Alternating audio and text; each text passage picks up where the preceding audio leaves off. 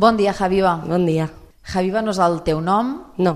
per tu era important Sí, mantenir aquest sí, anonimat. és molt important mantenir l'anonimat. Fa un temps mm, vaig llegir que escrivies no és gaire agradable explicar tot allò que em va fer malbé, però tampoc és agradable que cada mes m'enviïn missatges nenes i dones que no poden aguantar més, que pateixen cada dia sense poder veure la llum al final del túnel, que viuen dobles vides, que mai seran lliures. No és agradable, No, però és necessari, deies. però és necessari, exacte. Jo vaig començar escriure una miqueta quan vaig conèixer altres dones que van viure la mateixa problemàtica aquí a Espanya i altres països europeus i de mica en mica ens, ens vam adonar de que la problemàtica nostra individual era una problemàtica molt majoritària dins de, de la comunitat musulmana.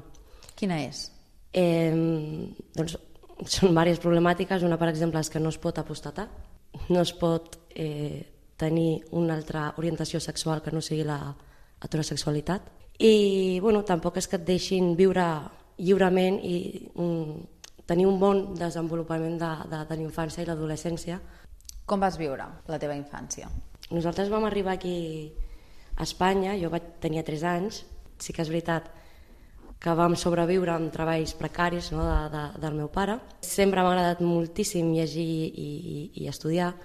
La meva infància va ser feliç, però sí que a mesura que vas creixent doncs, vas veient no, a casa que, no, que el teu pare no té la mateixa, o sigui, el mateix posicionament que la teva mare a la família, sinó que ell decideix absolutament tot. Cap membre de la família li pot enfrontar cap, cap decisió, no? per dir-ho d'alguna manera, és el patriarca. La meva mare porta aquí 30 anys, per exemple, i no sap parlar castellà ni, ni català. A mesura que vas creixent, vas veient que les teves amigues tenen una sèrie no, de privilegis que tu no tens, com per exemple anar a la piscina, eh, excursions, mm, colònies, aniversaris, coses que tu no et permet el teu pare acudir. No et deixava? No et deixa, no, no, no et deixen directament. Eh, L'excusa que facilita la, la família a l'escola o a l'institut és els mitjans econòmics i, l'escola i l'institut ho donen per, per vàlid, no, no investiguen. Tampoc entren a valorar per què els nens sí que poden fer aquestes activitats i les nenes no. Bueno, et vas, et vas, eh, vas creixent, vas pensant, comparant i no entens per què traient bones notes i ajudant a casa doncs no donen les facilitats o, o, o no tens l'oci aquest que tenen les teves amigues, d'una banda. D'altra banda, el tema de la religió és 24 hores els 7 dies de la setmana a la televisió. O sigui, tu recordes haver-los preguntat en el teu pare, en aquest cas, per què no puc anar a la piscina, per què no puc anar d'excursió? Perquè per què les no nenes puc anar no poden.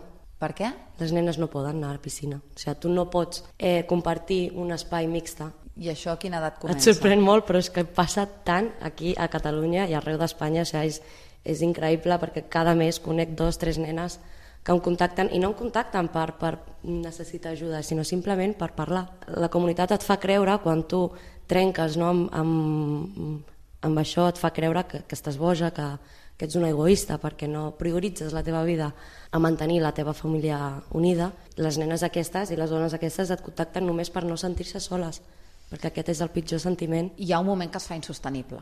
Sí, va arribar un punt en el que um, la comparativa t'afecta psicològicament perquè eh, et comparen amb altres nenes musulmanes, doncs ella porta el vel, jo el vaig portar un, un any i mig, el vel. No em va forçar cap persona, ni el meu pare, ni la meva mare.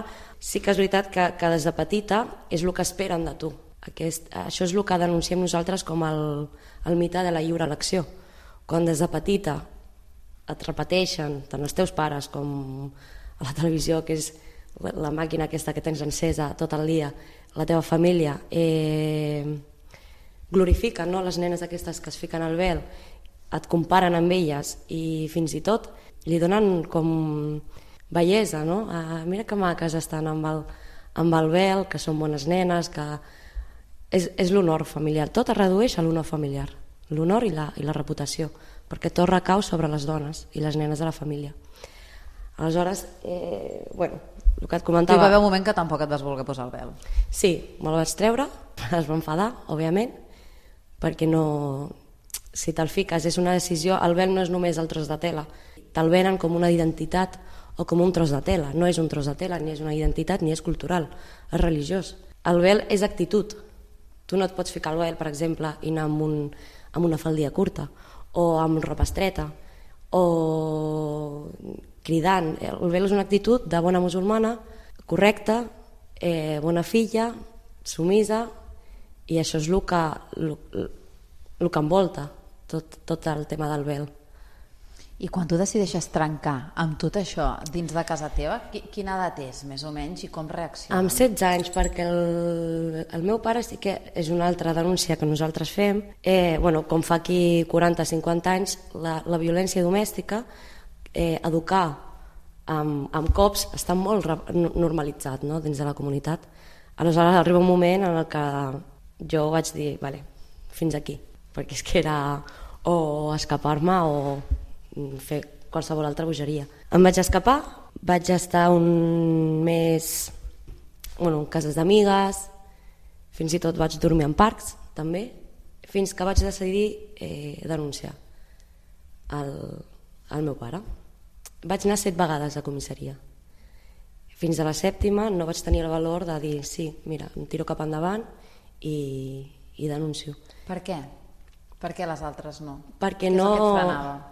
No hi ha un protocol, perquè com que la nostra problemàtica no es coneix, tampoc els funcionaris no, no, no, no tenen idea de, de com procedir, perquè, clar, et deien, vale, si tu denuncies això i ensenyes eh, les marques que, que, que tens, el teu pare se'n va pres, les teves germanes i tu a centres de menors i ta mare, doncs mira, porta aquí 30 anys, no sap parlar castellà ni català, que es busqui la vida.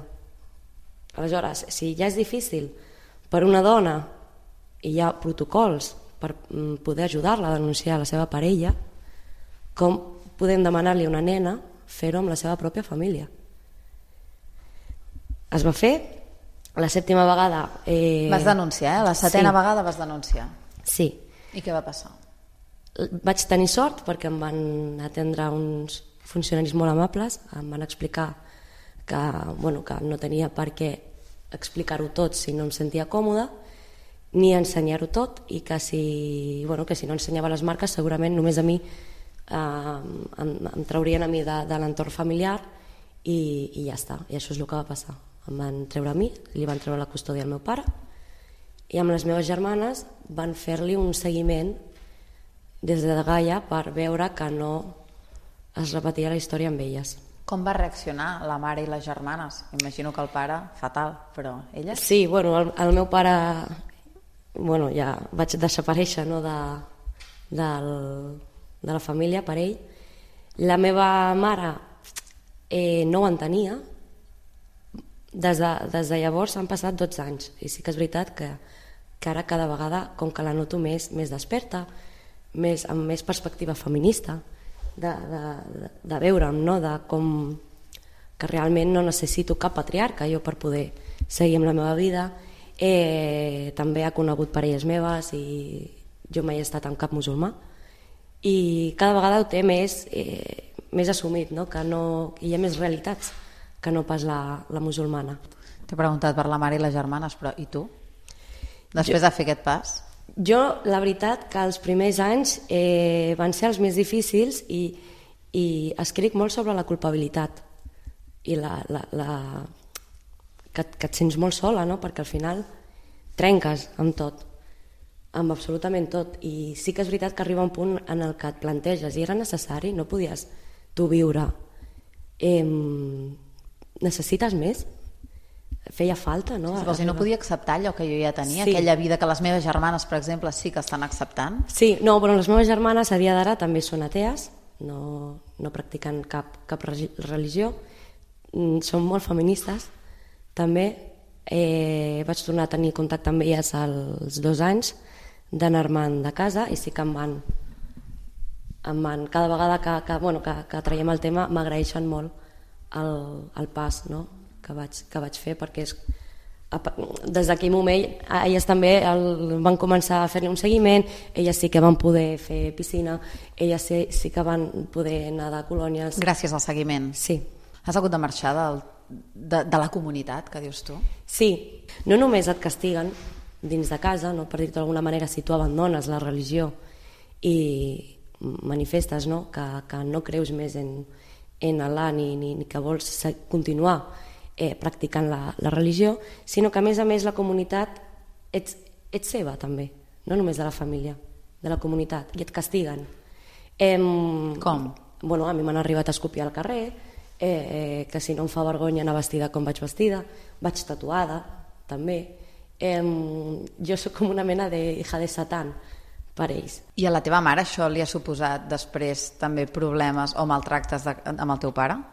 Sí, perquè la, el meu pare la culpabilitza amb ella de, de la meva educació, de, de la meva apostasia, no?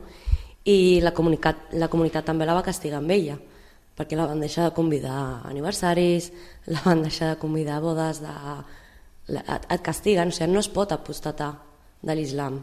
Avui en dia et sents lliure? No em sento més lliure que, que elles, eh, no, no em sento més lliure, però sí que és veritat que no tinc cap persona, ni, ni, ni familiar, ni, ni cap déu, ni cap profeta, que em pugui castigar de manera terrenal o divina sobre els meus actes. No? Jo sóc l'única responsable de, de les meves decisions i de les repercussions també.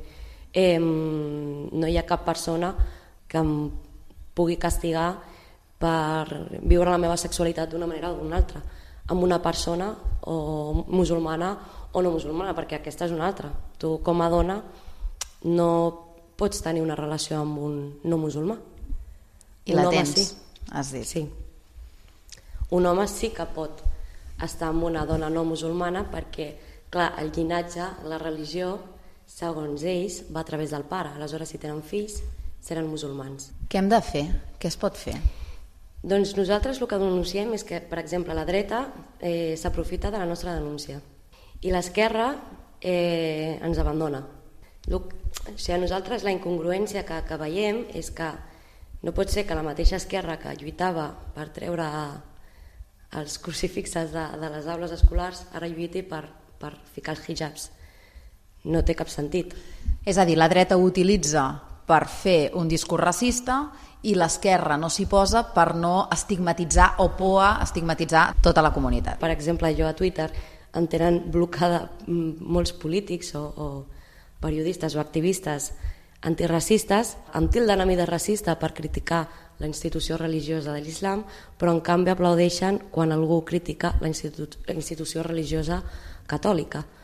Aleshores no té cap sentit, o sigui, és una incongruència per ser, perquè eh, són dues religions monoteistes, abrahàmiques, que, que, que molt semblants, realment. I aleshores, eh, si una és misògina i, i, i homòfoba, com podem dir que l'altra no ho és? No, no, no té cap sentit. Quan nosaltres denunciem el maltracte aquest que, que, que, que es permet a través de la religió, ràpidament, no només dins de la nostra comunitat, eh, des de fora, eh, catalans, espanyols, eh, racista, islamòfoba. Tenim la mateixa lluita. Jo també sóc filla d'immigrants.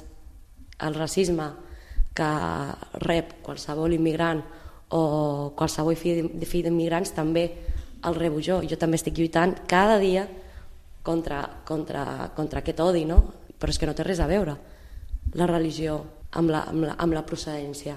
Javiva, són molt interessants sí. totes les reflexions que ens has fet, tota l'experiència i la vida que ens has explicat. I jo estic molt contenta d'haver-te trobat, d'haver-te llegit un dia per Twitter, de que la Carla i tu hàgiu anat parlant i al final eh, t'hagis decidit a fer aquesta entrevista i crec que ens ha ensenyat moltes coses a, a tots i segur que Gràcies per l'amabilitat i sobre, sobretot pel, pel caliu, no?